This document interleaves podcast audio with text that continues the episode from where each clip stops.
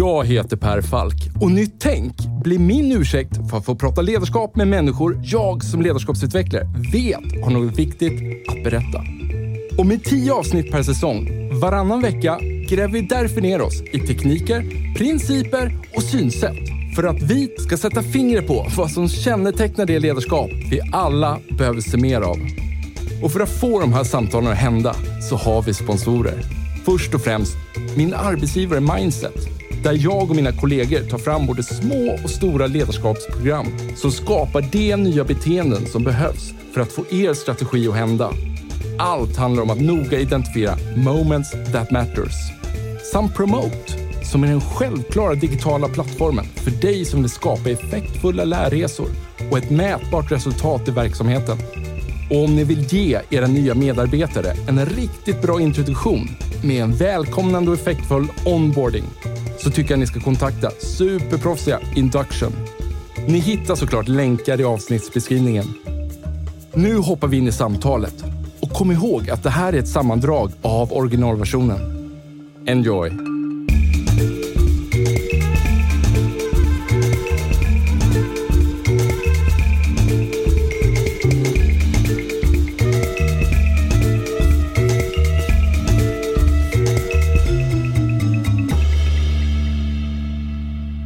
När jag driver ledarskapsprogram så har jag som en grej att i, i slutet, jag kanske har ett program på sex dagar och i slutet på programmet så vill jag gärna ha en, en intern person. En, en, någon som har omsatt det jag har pratat om under sex dagar. Mm. Någon som har omsatt det i praktiken och som kan komma och prata med de cheferna som vi har i rummet och säga att nu så här, så här har jag börjat jobba med det Per nu har lärt er. Mm, mm. Eh, och eh, mina erfarenheter är X, Y, Z etc.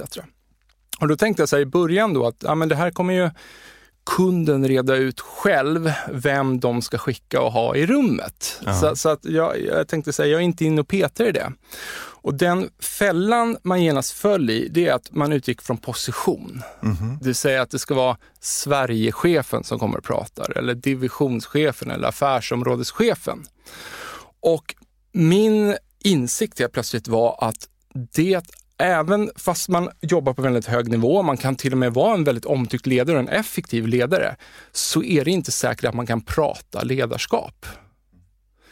Och det finns en paradox i det här, därför att om du jobbar med inköp eller om du jobbar med marknadsföring så kan du förmodligen också verbalisera, men det här är min take på marknadsföring. Mm. Det är därför vi har den här strategin, det är därför vi jobbar på det här sättet.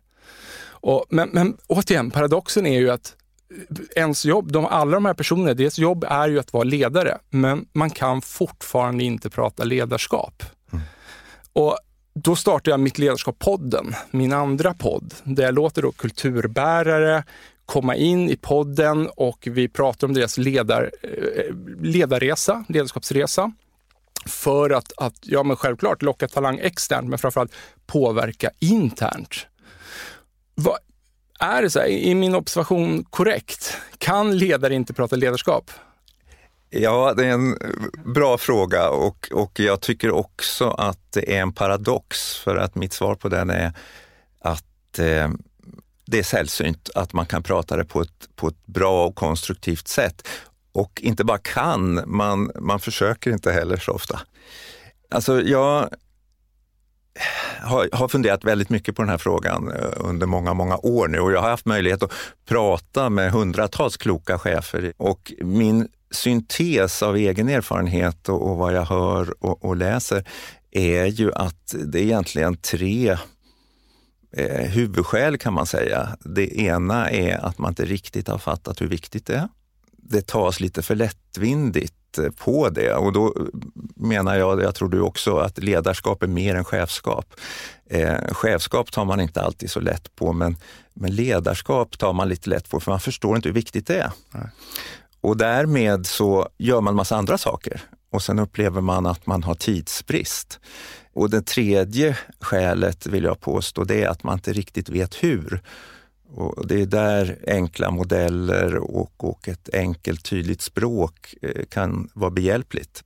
Så jag, jag, tror att en kombo av de här tre skälen Ja, för att någonstans tillbaka till den här marknadsföringschefen då, eller inköpschefen som jag exemplifierade med, som självklart kan prata inköp och marknadsföring. Jag menar, deras uppdrag är ju att utbilda de människor de har under sig, göra dem till effektiva inköpare eller effektiva eh, marknadsförare. Men någonstans vill man ju också skapa nya ledare. Mm. Och då är det så här, skulle folk bli effektiva inköpare om vi inte pratar inköp? Förmodligen inte. Så, så, det finns ju en enorm potential här. Ja, och det är det som, åter, jag tycker det var bra att du använde ordet paradox. Det är det som är en paradox. Mm. Om ledarskap är en, en uppgift i sig, som jag tror inte många eh, förnekar att det, det, är en sån, då för att bli bra på ledarskap så måste vi ju veta vad som är viktigt och hur man kan bli bättre. Och då måste vi prata om det i vardagen helt enkelt. Ja. Jag kan också dra en parallell då till Mitt ledarskap-podden som jag pratade om där. Vi har ett avsnitt med Helena Hed och när jag kom dit och träffade henne vid ett tillfälle, då kom hon ut från ett möte där hon hade för ett stort, tungt infrastrukturprojekt så hade hon samlat allihopa hon kom ut från det här mötet när hon träffade mig. Där inne hade hon bara stått och pratat ledarskap. Mm -hmm. Inte någonting hur processerna ska se ut eller hur vi ska göra det här tunga infrastrukturprojektet, utan hon hade bara pratat, det här ledarskapet kommer vi behöva för att få det här att funka. Mm. Och jag råkar också veta här att det, en av våra storbanker, de tillträdde en, en nyckeltjänst här för ett tag sedan och då ingick det i för de här tre slutkandidaterna, då skulle de pitcha sin ledning hur de såg att de skulle vilja förändra ledarskapet. Mm. Så det finns ju ljusglimtar. Absolut, och det, det, det, det, är så himla hjärtevärmande att träffa eh, människor som vill utveckla, jag, jag har ju förmånen att träffa många som vill utveckla sitt ledarskap. Det är lite mer sällsynt att träffa högre chefer som vill utveckla sitt ledarskap och vara med och, och coacha underställda chefer. Och, och, det är lite där, jag hjälper jättegärna första linjens chefer och projektledare och andra ledare men kan jag så vill jag hellre hjälpa högre chefer som eh, bör titta på sitt eget ledarskap och hjälpa underställda chefer att växa som ledare. För det var min nästa fråga. Kan man se, alltså så här, vad, är problemet att verbalisera sitt ledarskap, är det lika stort på alla nivåer? Eh, jag har en liten hypotes att när man blir befordrad upp i hierarkin mm. så, så, så tror man att man så att säga Eh, kan strunta i ledarskapet för det sköter sig själv. I, det tror sätt. jag också. Mm. Varför då? Förklara mer. Varför blir det så? Ja, alltså en eh, ganska sannolik teori varför det blir så, det är ju att när du sitter högt uppe så kan du delvis på goda grunder säga att eh, de klarar sig själv. Det räcker för mig att sätta mål och följa upp en gång i månaden. För de här är självgående, de har ett självledarskap som, som gör att de presterar ganska bra ändå. Ja. Eh, men det bygger på en missuppfattning vill jag påstå. Det är att att eh, om man inte föregår som gott exempel högt upp och efterfrågar ledarskap ja. till nästa nivå som kan fråga, efterfråga på nästa nivå, ja. då blir överallt ledarskapet nedprioriterat. Ja. Eh, och du kan som högsta chef skapa en, en mycket bättre ledningsgrupp på din nivå om du jobbar med ledarskapsfrågor. Och framför allt får du det att sprida sig ner. Eh, och efterfråga, eh, alltså inte peka med hela handen utan att, att ha en dialog kring det jag kallar ledarbidrag. Hur ger vi bättre ledarbidrag? Hur ja. gör, vi det oftare?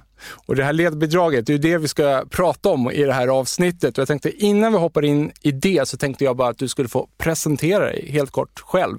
Vem är du Bengt? Ja, var ska jag börja någonstans? Eh, jag är väl en person som gillar att se helheten eh, och försöka se helheten, men också eh, drivs av nyfikenhet på att lära mig detaljer. Och, och det leder väl till att jag eh, ofta försöker se och kanske lyckas se också orsak-verkan-samband som jag känner att det, det kan jag försöka hjälpa andra att se. Då. Ja. Men om jag tar det rent professionellt så har jag ju en ett antal chefsbefattningar bakom mig. Mm. Eh, både ifrån eh, små chefsroller, alltså med få underställda, upp till över tusen och eh, jag har jobbat som projektledare för stora och små projekt och jag har jobbat som ledare både i privat och offentlig sektor. jag har också haft möjligheten att, att, lära mig en hel del om, om lean och agile som jag tycker är fascinerande. Ja, det, det, diskuteras ju vad lean och agile är, men som jag brukar säga, det är, det är en blandning av principer och eh, arbetssätt som eh, ibland missbrukas, men där de används på rätt sätt det eh, visar sig fantastiskt användbara. Och jag har eh, bland annat som lean manager på Saab eh, fått chansen att och, och se hur, hur det här fungerar både i Sverige och i, runt om i världen. Då. Du är ju också knuten till KTH. Ja, eh, och, och det, jag har varit, haft en inte alltid en fot, men en, en del av en fot i akademin, inte, inte hela tiden, men jag har varit adjungerad professor på Linköpings universitet i förändringsledning och nu har jag en adjungerad professur på KTH som heter Hållbart ledarskap och systematisk förbättring. Ja. Eh, och det där är en jätteintressant kombo, för jag tror att det gäller oss alla att vi ska göra, mm. men vi måste stanna upp och fundera och reflektera och det får jag en möjlighet att göra eh, på, ja, på min tjänst på KTH nu. Då. Ja. Skulle vi kunna säga någonting om de här eh, olika nivåerna? Ja, eh, ledarstegen består ju av fem nivåer och, och, den första som egentligen är basen för allting, det är ju att man har bottnat i uppgifter och mål. Eh, och det jag lyfter fram då i bottnasteget är ju att det är två delar. Dels att du bottnar själv i ditt ledarskap. Vad är viktigt i ditt ledarskap och, och eh, varför leder jag också? För ett skäl till att, att ehm, eh, man inte får den här viljan och drivkraften att utveckla sitt ledarskap, det är ju att man inte Alltså det är brist på, jag har inte riktigt satt mig in i varför jag vill vara ledare. Jag vet inte riktigt vad som är viktigast. Och det är först då du blir intresserad av hur gör jag? Hur mm. utvecklas jag? Hur blir jag en bättre ledare? Så bottnasteget som handlar om dig själv som ledare är superviktigt. Men sen finns det en annan del i bottnasteget. Självkännedom också? Kan man... Ja, det, det blir när du funderar i de här eh, banorna och, och inte minst varför du leder, ja. så, så finns det ju faktiskt människor som kommer fram till, nej, jag ska inte vara ledare, jag är mer en tekniker eller en, en specialist eller vad det nu är. Så, Men sen är det en annan del av bottnasteget och det är att bottna ihop med de du satt och leda i vad är vårt mål och vad är vår huvuduppgift eller huvuduppgifter.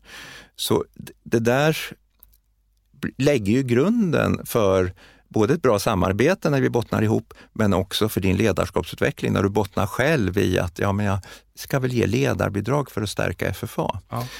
Så det är nummer, steg nummer ett. Steg nummer två är synliggöra. Och då handlar det om att både synliggöra sig själv och vad jag står för. Och, och, och mm, där brukar jag använda Joharis fönster som, som visar att ja, men vissa saker vet jag inte ens om själv. Nej. Andra saker, och andra kanske vet om dem. Vad, eh, vad vet andra om mig, mig som precis. inte jag känner ja, till ja. och som jag borde förstå? Ja. Och sen är det det som brukar kallas arenan, det, det jag vet om mig själv men som också jag visar inför andra. Och jag vill påstå att en, en bra ledare är, törs visa hela sig själv. Då. Ja. Eh, vad jag står för eh, och, och, vad som är viktigt eh, eh för mig. Och, och då är, förhoppningsvis så är en, en av de sakerna det är att få människor att växa, men också att verksamheter ska fungera bra och, och, och leverera bra. Min fru, hon försöker här, jag börjar tänka på det nu du säger synliggöra, hon hon försöker vara väldigt tydlig mot sin personal att så här vill jag leda. Mm. Så här vill jag att ni uppfattar mig. Mm. Och om inte ni tycker att det stämmer överens på mig, då vill jag veta det. Mm. Då vill jag få mm. utvecklande feedback om det. Mm. Skulle det kunna komma inom ramen för att Absolut. synliggöra? Absolut, mm. klockrent. Och um, där kan jag ju säga också, även om jag då har tagit upp det i, i um, ett separat kapitel i ledarstegen, men här är det ju Eh, och det heter modigare ledarskap. Mm. Att göra det som känns obehagligt när det är rätt att göra det, mm. Eh, det är att vara modigare ledare. Och att sakta men säkert utveckla sitt mod. Mm. Och det här med att bjussa på sig själv och inte minst att bjussa på det man inte kan mm. och fel man har gjort, apropå mm. be om ursäkt dagen därpå, kräver en del mod. Men det är ett mod som, gör, som du synliggör dig själv, vilket gör att andra kan göra samma sak. Och om man inte... Det är en rätt härlig känsla när man fattar det där och kommer över den spärren. Mm. Jag, eller, jag kan inte riktigt förklara det själv, men jag vet när jag vågade liksom ta tag i de här ja, svåra saker och, och bli lite modigare ledare. Mm. Men att jag nästan där och då bara kände att, oh, det, att man ja, växer som person där och då.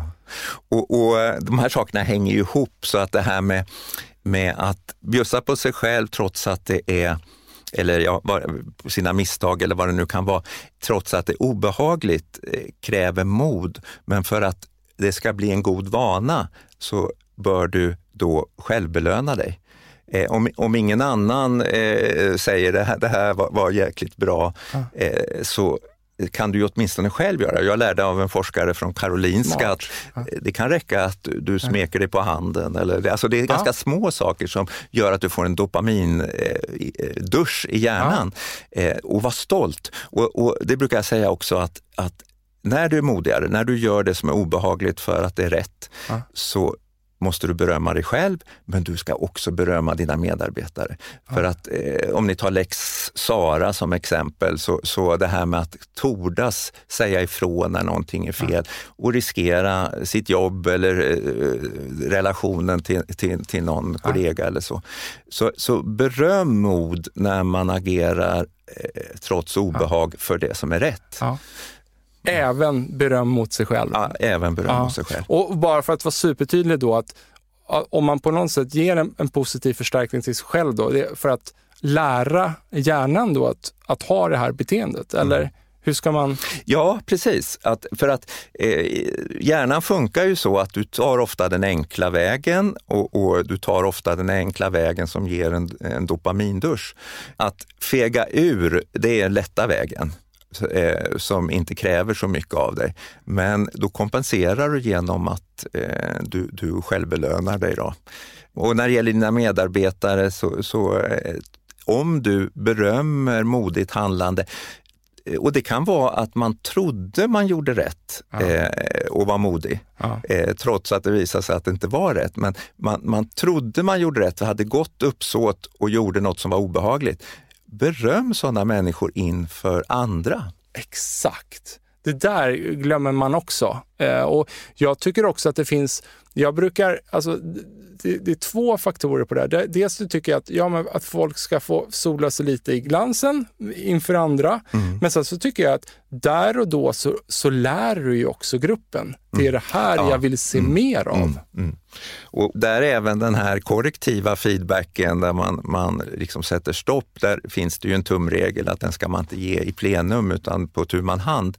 Men när det gäller grava saker som, som är alltså att, grava attitydproblem där man har, har sexistiska eller rasistiska ja. skämt eller ja. sånt där, ja. då är det märkligt om inte chefen säger ifrån eh, i, så att alla hör. Självklart. Självklart. Mm. Det finns ju så många nyanser mm. av det här. Mm. Håller helt med. Och då, så här, bottna, synliggöra och sen kommer vi till C. Eh, ja, eh, vi hade en, en sak kvar dock på synliggöra ja. som jag tänkte jag kan ta lite snabbt. Två viktiga saker som är superviktiga att synliggöra det är förväntningar och avvikelser.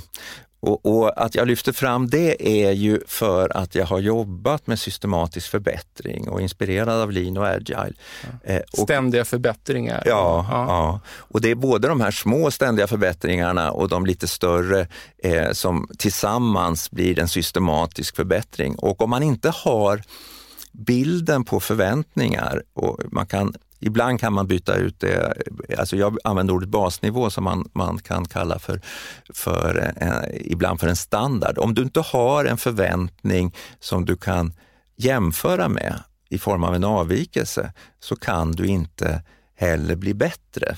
En del säger ja men det är lätt i bilproduktion eftersom bland annat det här Toyota Production System bygger väldigt mycket på att, att bygga en standard och en basnivå som man hela tiden följer upp avvikelser emot. Men det är lika användbart i till exempel produktutveckling eller någonting där, där vi inte vet så mycket, där vi jobbar mer agilt. För att vi har ändå förväntningar. Det här är förväntningar vi ska hinna den här veckan eller imorgon eller så. Och sen blir det så eller så blir det inte så. Och blir det inte så, då kan man lära av det. Mm. Och, och, lärandet är eh, som ett syskon till förbättrandet.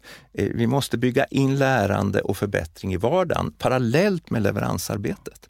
Så att det här med att synliggöra förväntningar och avvikelser ja. och göra det ganska ofta, det jag kallar med puls, ja. eh, för att det är dessutom motiverande för medarbetaren att se, det här förväntar vi oss och det är någon som ser vad jag har gjort varje dag. Ja. Det låter som att i ledarstegen här, att för varje steg, vi pratar om två dimensioner, dels jag som ledare, men sen också organisationen. Mm. Det vill säga att synliggöra hur jag vill arbeta som ledare, men också synliggöra hur vi arbetar. Mm. med det, det mm. senare du sa här. Mm. Är, är det korrekt? Ja, och, och det, det, är att hur vi arbetar eh, det brukar kallas synliggörsystemet och det är att man förstår vad, vad man bidrar med i en större helhet. Och där kan det hjälpa med, med till exempel processbeskrivningar, flödesbeskrivningar och andra. Och, och som sagt, i, på, i vissa verksamheter beskriver man arbetsstandard ganska detaljerat, vad man ska göra och så. Så det, det är ju ett sätt att synliggöra eh, förväntningarna också. Men även budget och en tidplan är en förväntning som man kan följa upp avvikelser mot förstås. Ja. Men man gör det ofta med ett, inte ett syfte att, att eh, slå folk i huvudet att man, att, eh, och skälla på när, när det är avvikelser, utan tillsammans vara nyfiken på varför har vi en avvikelse här? För då, då skapar du, någon ser vad du gör, någon eh, involverar dig och diskuterar, men, men om det blev en avvikelse och vi inte riktigt gjorde vad vi hade eh, bestämt, vad gör vi nästa gång för att det ska bli så? Så att det, det, det har många positiva effekter. Så med det är vi klara med ja. synliggöra och kan gå till steg tre, nummer tre då, som heter C. Och där, den börjar med att se människan. För hur den är, lagarbete är jätteviktigt, men vi är ju trots allt individer och vi är olika. Och som ledare och chef så måste man se var och en. Det är superviktigt. Man kan inte bara titta på arbetsgruppen och, och, och, prata med arbetsgruppen. Man måste se var och en. Och inte minst för att se var och ens potential och hjälpa henne att växa. Det går inte att slå ihop alla till ett standardlösning där, utan se människan. Sen nästa är se matchen och det handlar om att vara ute och se arbetsbidragen på plats. Det är svårt i vissa branscher och, och att stå och hänga över axeln när man är på annan ort eller vad det nu är. Men då då får man ta det mer bildlikt. Att se matchen är att förstå de viktiga sakerna som medarbetarna gör. Mm. Eh, och, eh, kan det inte uppstå ett problem där, precis som du säger, att en arbetsgrupp som är ovana vid det här, alltså att, att de kanske reagerar lite offensivt om chefen ska vara där för att se arbetsbidraget? Jo, eh, och, och, det är en ganska naturlig reaktion om chefen aldrig varit intresserad av arbetsbidraget tidigare. Eh, och då, då, krävs det här lite modigare ledarskap igen. Mm. Att, eh, plus att man visar att det här gör jag för att jag är nyfiken, inte för att kontrollera. Nej. Utan jag vill förstå.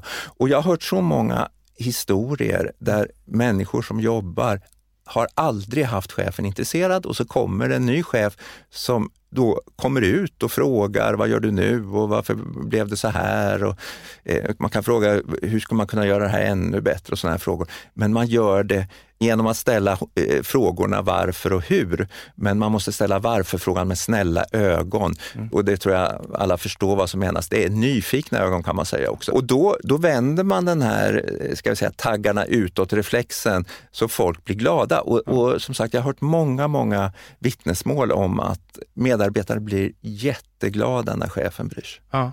Och man kanske också då ska, även om det blir en lite konstig reaktion i början, vi pratar ju om mod, men modet då att hänga kvar, att bara tänka att gruppen kommer vänja sig, ja, gruppen ja. kommer förstå, vi mm. växer tillsammans. Ja. Så man inte skräms och tänker att, men vänta, det här var inget bra, så tar man ett steg tillbaks. Ja, det, det är en jättebra reflektion för att, eh, som du säger, att eh, känner man sig ovälkommen första gången så är det lätt att ge upp och fega ur. Men att man förklarar och, och, visar, alltså du visar med ditt beteende mm. att eh, det här är något som jag vill fortsätta för jag vill lära mig och jag vill kunna hjälpa er att göra ett bra jobb. För det är det det egentligen handlar om i slutändan. Aha. Utmana är som sagt det fjärde steget och eh, utmana är, ja, jag ska inte säga att det är det mest intressanta, men det är jag brukar ju fråga vad, vad, människor har sin största potential av de här fem stegen. Och ganska många eh, svarar utmana, eh, en hel del svarar faktiskt bottna också. Men utmana handlar om att utmana individen till utveckling. Och då är det ju så att eh, på en arbetsplats så finns det människor som presterar jättebra, har jättestarka drivkrafter och, och, och tar på sig nya saker och vill utvecklas. Och de måste ju förstås få en annan typ av utmaning än den som gör minimalt och till och med fuskar eh, ibland. och så vidare. Alltså det, det, är ganska självklart att utmana innebär eh, så olika saker. Eh, men det handlar i båda fallen om att hjälpa människor att växa. Ja. Eh, både som människor men, men förstås också så att, att kunna ge bättre och bättre arbetsbidrag. Du nämnde ju ett begrepp som tuff omsorg. Mm. Kom, kan man koppla det? det ja, absolut, ja. det hör ihop med utmanarsteget. För att just det här med att, att de här högpresterarna som vill väldigt mycket, där, där är omsorgen att kanske hålla igen mm. så att man inte bränner ut sig. Medan de här som, som eh, kanske är motarbetare, det finns ju studier som visar på att vi, vi tyvärr har ganska en typisk eh, svensk arbetsgrupp, den här studien är gjord i, i massor med länder, men i en svensk arbetsgrupp att det är, är ganska många som, det är bara 16 procent enligt den här studien som är, är, är riktigt engagerade och några, jag tror det är 12 procent som är motarbetare. De, de måste man ju behandla på, på ett annat sätt. Och I början nyfiket, men om de förstör för samarbetet så måste man bli tuffare och tuffare. Och det ligger ju i begreppet tuff omsorg. Då är du tuff mot den här individen, eh, men du gör både för hennes skull och för verksamhetens skull. Och inte minst för kollegornas skull, för det är inget roligt att ha eh, destruktiva medarbetare som inte vill bidra i sin, sin grupp. Känner du till en bok som heter Radical Candor av Kim Scott? Nej. Den är samma färg som Good to Great på framsidan, mm. liksom knallorange liksom, mm. för att mm. sticka ut Aha. på flygplatserna när den står i pocket mm. shop eller mm. liknande. Men, nej, men det, så här, den egentligen, Radical Candor, alltså, den handlar om tuff omsorg. Jag mm. trodde nästan att du hade inspirerats kanske lite av hennes tänkande där. Nej. Nej, men läs den. Jag tror att du skulle gilla den. Den går helt i linje med vad du nyss pratade om. Ja. Nej, min inspirationskälla till tuff omsorg, det har varit flera i och för sig, men, men huvudsakligen så är det en, en um, modell som heter The Care and Growth Model som jag lärde mig nere i Sydafrika när jag hade ansvaret för ledarskapsutveckling i ett bolag nere ja. eh, i Johannesburg. Saab pratar vi då? Ja, då, då, då, jobbade jag för Saab och var vice VD för ett delvis, eller delägt bolag i Johannesburg med, med 700 anställda och vi eh, jobbade med en hel del med ledarskapsutveckling baserat på den här modellen. Ja. Och eh, nej, Tuff omsorg är, är väldigt mycket inspirerat av den modellen. Ja.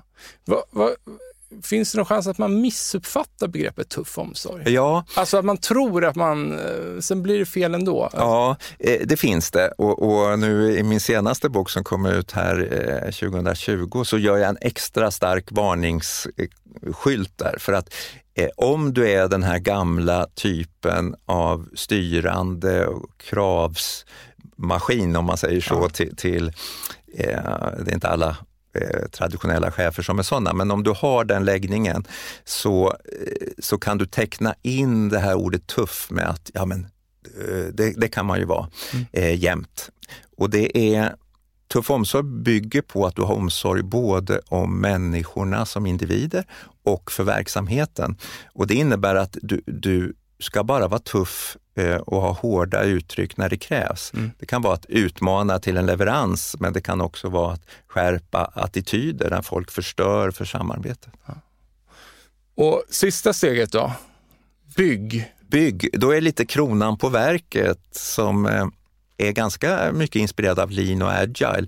Och då handlar det om att bygga ihop lag som blir bättre och bättre.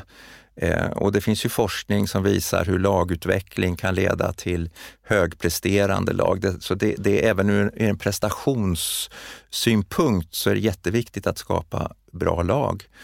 Men det är också ur en trivselsynpunkt viktigt. Så att, och då, då är vi tillbaks lite till det här med vad påverkar vår, vår hjärna. Mm. Så att bygglag är, är det första och eh, det andra är byggflöde. Det, det handlar ju om att se till hela flöden av värdeskapande. Mm. Väldigt många jobbar ju som en del i ett långt flöde som skapar värde för kund. Mm. Och för att inte suboptimera ett sånt där flöde så, så, bör man se till helheten och jobba med helheten ihop med kollegor och andra arbetslag kring, i flödet. Då.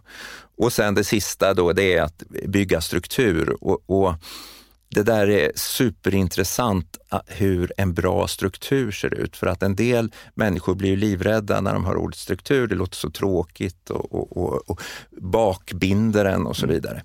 Jag vill påstå att en bra struktur gör dig mer kreativ. Alltså mm. du styr ju bara upp det du vet exakt redan. Va? Det som, det som du, och då är vi tillbaka till den här nyansskillnaden mellan lean och agile som är syskon. Att lean är, har ju vuxit fram i verksamheter som har repetitiv flöden där man kan standardisera mycket. Verkstadsindustri. Ja, ja. ja. och det, det, finns inte bara där utan om du jobbar på ett labb på sjukhuset eller i kund, eh, vissa ärendehantering på en kommun eller vad, vad det nu kan vara, ja. så, så, kan du använda lean och lean-verktygen väldigt naturligt. Men sen finns det andra där du, där du har en högre grad av osäkerhet och mm. tvetydighet. Och då måste du jobba mer med, med känselspröt och jobba i det som brukar kallas sprintar. Mm. Ofta två till fyra veckor där du efter två eller fyra veckor stannar upp och ser hur ligger vi till nu? Är, är, håller vi på att fortfarande göra det kunden verkligen behöver och ska vi ändra på något eller ska vi ändra ordningen på något ja. och så vidare. Och nu, nu är du inne lite mer på agila eh, mm. filosofin mm. helt enkelt. Ja. Mm. Och kanske inte sätta så långsiktiga mål där då heller, utan man jobbar i de här sprintarna. Mm. Men sen så om man då inte har hunnit med kanske det, allt man skulle hinna, ja, då får man kanske ompröva om vi jobbar på rätt sätt. Eller, ja. och det är det... Eh, Ny information blir känd som gör att vi måste ändra riktning mm. lite och så vidare. Och ledarskapsutveckling är ju faktiskt ja. det. Det är en sån där sak som, som eh, jag insåg här, här om året att, att det, det är ju därför en, ett agilt upplägg passar så bra för ledarskapsutveckling. Men och det då, eh, det har jag faktiskt inte tänkt på det tidigare, men som du säger, lean kommer ju från verkstads, eller liksom vissa standardiserade moment. Mm. Medan det agila kommer från, från programvaruutveckling mm. där man egentligen bygger första gången man gör det varje gång mm. och därmed blir det svårare att planera. hur mm. man... Ja. Och man vet inte riktigt vad kunden vill ha. Kunden vet inte eh, Nej. själv utan man, man anpassar sig. Och det jag gör, när, eftersom sista eh, steget heter bygg, då, eh, både lag, flöde och struktur, att bygga struktur behöver man även för det agila. Alltså även när du ska vara agil så behöver du någon form av sammanhållande struktur för att du ska lyckas med det. Mm. Och, och, du, i, i den här metoden Scrum så har du vissa begrepp att eh, sprintar är ett, men du har också eh, retrospektiv demo och sådär. I samband med, med, övergång till nästa sprint ja. så gör du vissa saker enligt en struktur, men den är ju inte jättebindande, men ja. den måste göras för annars fungerar inte det agila. Men bara för att gå till grunden, när du säger att du tycker att ledarutveckling, att, att, att det finns fler paralleller mot det agila och att det är därför det agila passar så bra mm. med ledarutveckling. Vad menar du då igen? Kan du så vi säkert ja. att alla förstår det här. Alltså, det handlar ju om ledarbidrag, vi måste gå tillbaka till ledarbidrag. Om man då har insett vikten av ledarskap, man har insett att det handlar om att göra fler och bättre ledarbidrag, så måste man ju sätta igång med att fixa det här då. Och, och gör man det i en ledningsgrupp så kan man säga då att det här och det här och det här ska vi eh, göra de kommande fyra veckorna. Mm. Och sen gör man det och sen utvärderar man att ja, det där blev ju bra, men det där blev inte så bra. Varför blev det inte så bra? Eller varför blev det bra? Och sen, sen bestämmer man, ja men låt oss göra det här kommande fyra veckorna. För då, då skapar man ju laganda också i eh, ledningsgruppen kring ledarskap. Och då är vi tillbaks till det här, varför pratar man inte ledarskap? Men på det här sättet så måste du åtminstone var fjärde vecka, om du väljer eh, en, en fyra veckors sprint, så måste du prata ledarskap. Eller måste och måste, det här är ju roligt. Så att det, det Ja, alltså, jag undrar hur många ledningsgrupper det finns där man faktiskt sitter runt bordet i ett ledningsgruppsmöte och faktiskt kan medge så här, ja men under de senaste fyra veckorna, här brast jag i mitt ledarskap. Mm. Och det där är jätteviktigt, det, det, det, du pekar på, att det bygger på att alla i den här ledningsgruppen, men inte minst chefen över de underställda cheferna, är ödmjukt, då är vi tillbaka ja. till good to great, och alltså dela med sig, då är vi tillbaka ja. till, till synliggör, ja. av ja men det här gick bra ja. och, och, att man bjuder in, som din fru ja. gjorde, eller gör, eh, till att, eh, liksom, ja men på vilket sätt gör, gör jag eh, inte tillräckligt bra ledarbidrag? Ja. Jag tror stenhårt, jag har ju sett eh, ett par ledningsgrupper som jobbar på det här sättet, men jag vill eh, då ge dig rätt i att det är väldigt, väldigt ovanligt ja. att man har det. Och det beror återigen, det beror på att ska vi är det tillräckligt viktigt med ledarskapsutveckling? Kan vi avsätta den här tiden? Eh, jag tycker inte att man ska vänta fyra veckor utan för att Nej. få in en vana så måste man, kan man ha korta små möten kanske varje vecka ja. och sen ett lite längre var fjärde vecka där man pratar ledarbidrag. Ja. Skulle du vilja vara så modig att du skulle vilja ge cred till någon speciell ledningsgrupp? Ja, eh, det... Som eh, du verkligen tycker att hmm, ni, ni Ja, en ryggdunk helt ja, enkelt. Ni nej, har men, verkligen fått till det. Men de jag kommer att tänka på direkt, det är dels en avdelning i Malmö stad eh, som Roberto Citero leder, men också en, ett eh, företag, ett eh, robotföretag, Jaskava Robotics nere i Småland, där Thomas Abel är HR-chef och, och, gör ett jättebra jobb ja. på det här området. Ja. Bra. Jag tycker det är viktigt att, att lyfta fram goda exempel. Mm. Och de som har investerat tid i sitt ledarskap ska självklart få höra det. Mm. Okej, okay, bottna, synliggör, se, utmana, bygg och, och sen börjar om igen då, då, För sen kan man befinna sig i ett annat läge och att, att någonstans får man se det här som en ständigt pågående resa då, då där vi aldrig egentligen blir klara. Nej, det är det som är så häftigt här, att, att man får eh, alltid nya insikter. Och både när man funderar själv, vad gick bra och dåligt, men har man dessutom antingen en extern coach eller en, ännu hellre då den egna ledningsgruppen med kollegor och kanske sin chef eller underställda chefer som bollplank så kommer du alltid få en ny idé vad du kan göra nästa steg. Och det är därför jag säger att de här fem stegen bör man inte ta i den här ordningen, utan när, eh, det finns en logik i att kanske första gången tar den i den ordningen, men sen tar man där man ser eh, störst potential. Du, jag känner så att jag har, du varit inne på det flera gånger, men jag har hållit det lite på halster för att jag har väntat med det. Och, och det är den här frågan så här att när det gäller då att utveckla ledarbidraget, att hur man ska vikta då det här det involverade ledarskapet eller mer styrande ledarstil. Mm. För, för du öppnar ändå upp att den styrande ledarstilen till viss del fortfarande behövs i vissa situationer. Ja, och det var ju det som, som blev lite en aha-upplevelse när jag satt och vred, vred eh, vände och vred, säger man, eh, på eh, de här ja, forskningsinfluenser och annat som jag hade eh, tagit del av, eh, det var ju att eh, Alltså det, när man, vi pratar individ så finns det de som har lite, man uttrycker det milt, lite potential i sin attityd, det vill säga viljan att bidra till jobbet. Ja. Och så finns det de här jättemotiverade som man ibland måste hålla igen. Och sen finns det omogna lag, och det, eller omogna grupper ska jag säga, som kan bli mogna, mogna lag. Och om man då funderar på vilken av de här ledarskapsstilarna som passar, är man naiv och tror att, att eh, det här, ska vi säga, som, som allt fler förstår är ett bra eh, involverande ledarskap, att det alltid passar. Nej, ibland kanske man måste vara ganska tydlig. Dels när det kanske är bråttom så kanske man ibland måste säga att Nej, nu gör vi så här för vi har inte tid. Och, och, när det har gått allvarligt fel kanske? Ja, eller att vi har fått strul, strul med liksom. ja, något sånt. Mm. Att en kund eh, liksom står still och vi måste göra någonting. För, för, för och, och då, då kanske chefen måste, i, i, har man jobbat länge och väl så behöver chefen inte rycka in ens då. Men och de här som har bristande attityd så måste man kanske punktmarkera och styra väldigt detaljerat.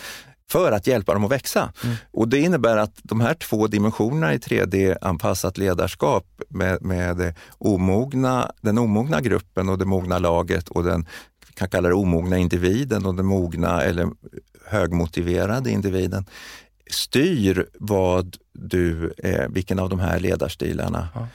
Eh, och sen har jag blivit fascinerad av av det som heter, kallas TIL, som är baserat på en bok av Fredrik Laloux.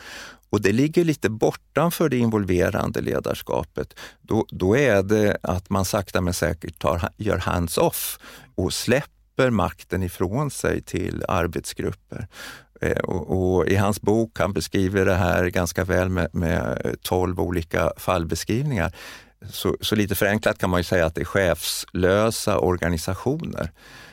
Och precis som med agile så känner jag att det här med TIL, det, det är så lätt att ta till sig nya flugor och vara naiv. Mm. Och att man tror att ja, men bara man gör hands-off och, och, och, har självorganiserande lag från en dag till en annan så kommer det blomstra. Eh, tyvärr är ju inte verkligheten så enkel. Man måste som ledare coacha fram en sån här delegering i små steg. Så man kan lite förenkelt säga att när man utvecklar människor och grupper så kan man gå från ett styrande ledarskap till ett involverande ledarskap till ett delegerande ledarskap om man summerar det i det ordet. Det här med att, ja. att vilket gör att eh, medarbetarna får mer och mer ansvar för ledarbidragen och du som chef kan ägna dig åt delvis andra saker, mer långsiktiga saker, mer coachning och så, som kan kännas lite hotfullt och som kan kräva mod. Så det är väl där igen, de går in ja. i varandra. Var, varför kan, varför, när du säger att coachning kan vara lite hotfullt? Ja, det är ju att om du släpper eh, beslutsmakten, mm. som du gör om du ska gå åt det här Alltså hållet. hotfullt, alltså ett obehagskänsla hos ja, chefen. Så ja, ja, och det är ju om du har vant dig vid att din roll och din status är ju att folk kommer och frågar mig och det är jag som tar beslut och, och mm. så vidare. Om du släpper den makten ifrån dig i små steg så kan du ju tänka så här, men vad ska jag göra nu? Nu klarar det sig utan mig. Men det, det handlar också om att bottnas första steget att ja, men det kanske är jättebra. För jag, dels kan jag hjälpa eh, laget att utvecklas. Jag kanske kan hjälpa två, tre lag. Eh, jag kan göra andra saker. Eh, så att det, det handlar om en mognad som, som individ om man inser att eh, du måste leda eh, individer olika beroende på hur arbetsmotiverade de är och att du måste eh, leda grupper olika ja. beroende på deras mognad. Och som eh, då sista steget i de här tre dimensionerna, att du måste förstå om en uppgift är repetitiv och standardiserbar eller om du ska ge friare tyglar och, och jobba mer agilt. Om du inte har bottnat i det där så, så kommer du aldrig kunna göra den här anpassningen. Sen tror jag att du, du, du när du har bottnat i det eh, kan applicera det ganska naturligt i din vardag. Ja. Jag tänkte bara med gäller TIL där. Du tycker ändå att det ligger någonting i tankarna kring TIL, eller? Jag kan ju förklara det ja. också för de som inte har läst eh, Lalous bok. Reinventing Organizations. Precis. Ja. Det finns både på svenska och engelska och säkert många andra språk också. Men eh, han inleder ju med att måla upp människans utveckling. Det blir lite häftigt på det sättet. Och, och han eh, beskriver ju mänskliga människans organisationer ur ett historiskt perspektiv, ända från röda organisationer till gula som där man eh, jobbade väldigt strikt, strikt hierarkiskt. Han tar katolska kyrkan och, och gamla arméer som exempel till orangea där man har väldigt mycket eh, hierarkiskt synsätt, att chefen bestämmer och andra gör. Eh, och sen en, en grön organisationsform där, dit han brukar relatera lean och, och agile organisationer och det finns en mix mellan de här och väldigt många lite mer framåt organisationerna idag är en mix mellan orange och grönt om man ska följa Lalous eh, teori. Men det som är nytt då, det är ju att han beskriver den sista som TIL, som är ju någon form av grågrön nyans, eh, som man lite förenklat kan kalla för, för chefslöst. Men det, det, är mer än så, utan här är det att liksom skapa organisationer där alla är med att bestämma syftet mm. och att syftet får utvecklas över mm. tid, mm. med, där alla har ett, ett, någonting att säga till om. Och att alla har makt, till och med samma makt. Och alla har rätt att ta beslut. Det finns till och med ett, ett sätt hur man tar beslut som vissa av de här exemplen i Lalous bok använder. Vad tar han upp för exempel på företag här? Ja, det är eh, lite olika faktiskt. Det är ju rätt ja. intressant. Det, det, är allt från verkstadsindustri till sjukvård till eh, eh processindustri industri och livsmedelsindustri. Jag, jag fascineras mest av den här Burzog, ett, ett eh, holländskt hemtjänstföretag ja. som gick från tre anställda till, jag kommer inte ihåg nu hur många, men de är flera tusen och har tagit en, en stor del av den holländska marknaden och lever de här tankarna väldigt... De chefslösa tankarna? Ja, sen är det ju så att det, det, det krävs ju en struktur och ja. man anar att eh, han start, grundaren av, av Burzog finns med där på något sätt. Men det, det är väldigt mycket chefslöst och det är väldigt Alltså man, man till och med bjussar på idéer till konkurrenter för man ser det att man liksom ska samarbeta eh, med sina konkurrenter. Mm. Eh, och man Ja, det finns Youtube-klipp på Burzog och på TIL också så att man lätt kan bilda sig en uppfattning. Och, och om du frågar mig om, om det här är, är eftersträvansvärt, så Ja, jag tror att det är eftersträvansvärt i väldigt många branscher och många organisationer. Men man ska inte vara naiv och tro att det är en quick fix. Nej. För det, alla de här exemplen så, så finns det Eh, några i bakgrunden som har skapat den här strukturen som krävs. Och i det här hemtjänstföretaget så är det ju grundaren som, eh, och sen har man säkert samarbetat kring eh, hur det här ska utvecklas självklart. Men, men i lite korta ordalag så handlar det om att du eh, ska låta alla vara med och forma strategin och att strategin och syftet med verksamheten får växa evolutionärt över tid där alla kan, kan tycka till. Och även när det gäller makten, alltså att det inte är hierarkiskt. beslutsfattande Beslutsfattandet är helt delegerande. Man eh, har inte staber som styr utan staber som stödjer. Alltså det finns några punkter som är sunda i grunden, men man måste inse att det, det kräver ledarskap att ta sig dit. Kan inte låta bli tänka, det finns ett brasilianskt företag, tror jag, som, kan de heta Semco? Ja. Han som, mm. de körde några TIL-liknande principer eh, och det slutade med att de anställda sa upp eh, vdn som införde principerna mm. och körde vidare själva utan chefer. Men, men, det är ingenting du har stött på? Jo, jag, för många år sedan så läste jag lite om dem. Eh, jag har inte följt vad som har hänt sedan dess. Men då är vi inne på det här med modigare ledarskap, ja. att man som vd måste tordas och, och riskera att bli uppsagd. Hans officiella hållning var väl alla fall att ja, men alltså jag, jag har ju satt upp ett antal principer vi ska jobba inom och som ska trogna, mm. även om det är ont hos mig. Mm. Och eh, därför måste jag, om, om de vill att jag ska lämna, då, då, då måste jag ju stå för det. Det låter på dig då som att vi rör oss lite i den riktningen. Mm. Rör vi oss i den riktningen för att de ehm, problem vi ställs för eh, i offentlig sektor och hos företag behöver den typen av organisationer för att vi ska kunna lösa dem på ett bra sätt? Eller rör vi oss åt det hållet för att samhället har förändrats så mycket så att det här är det enda sättet som folk vill bli ledda på? Ja, det är väl, det är väl en, en kombination. kombination. av de två.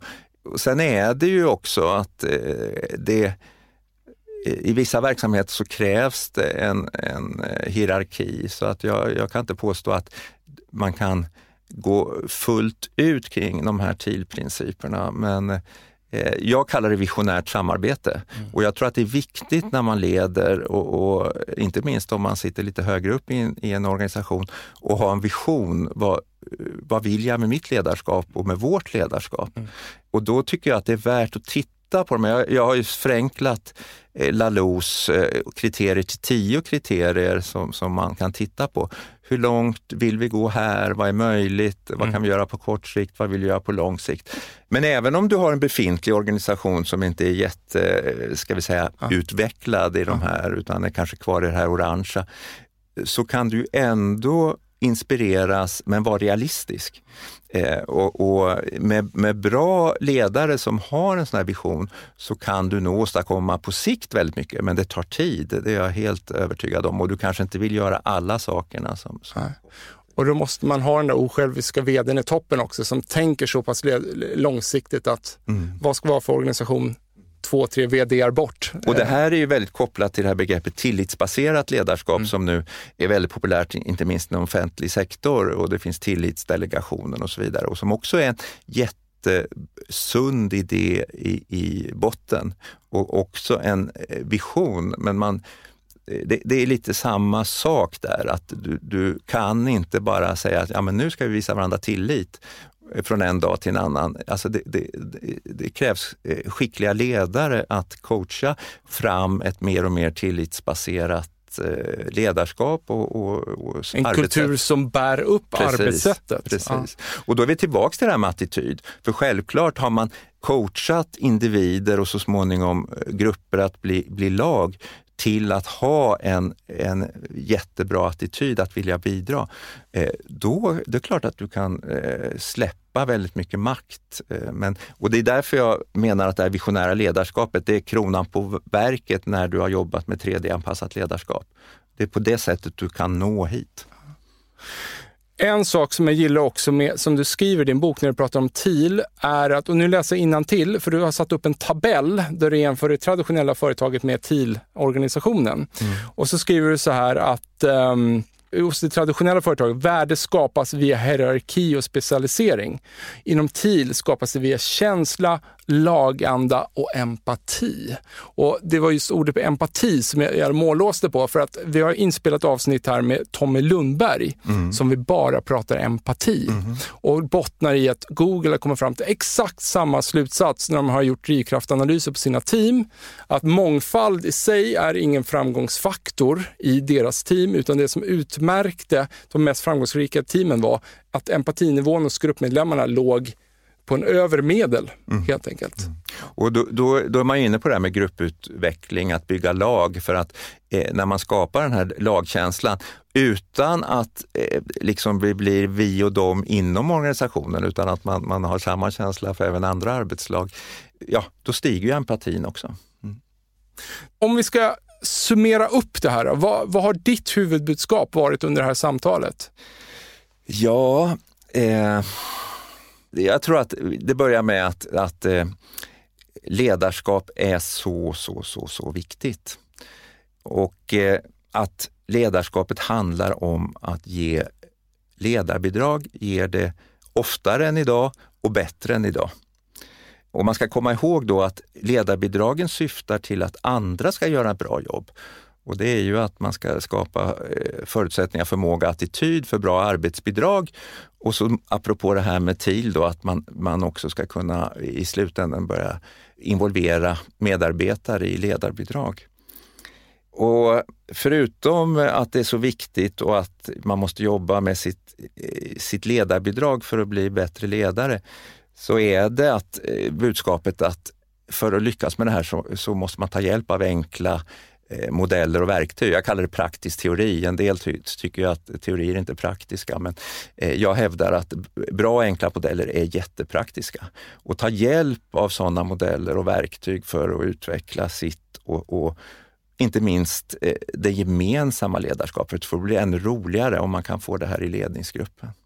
Och självklart lägger vi in en länk till Bygga ledarskap i beskrivningen av avsnittet. Och om man utöver då att läsa den här boken kanske vill prata mer med dig, hur får man tag på dig då?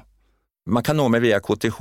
Jag jobbar bara där en dag i veckan, men då, är det min mejladress bsaven.kth.se eller så på mitt bolag som eh, då, då kan ni mejla på bengt.braveship.com. Och Braveship står för modskap, eh, apropå modigare ledarskap. Stort tack för att du kom Bengt. Tack, tack. Vad kul. Tack Per. Hej. Hej. Hörni, tack till våra sponsorer Mindset, Promote samt Induction för att ni tror på den här produktionen. Ta hand om er.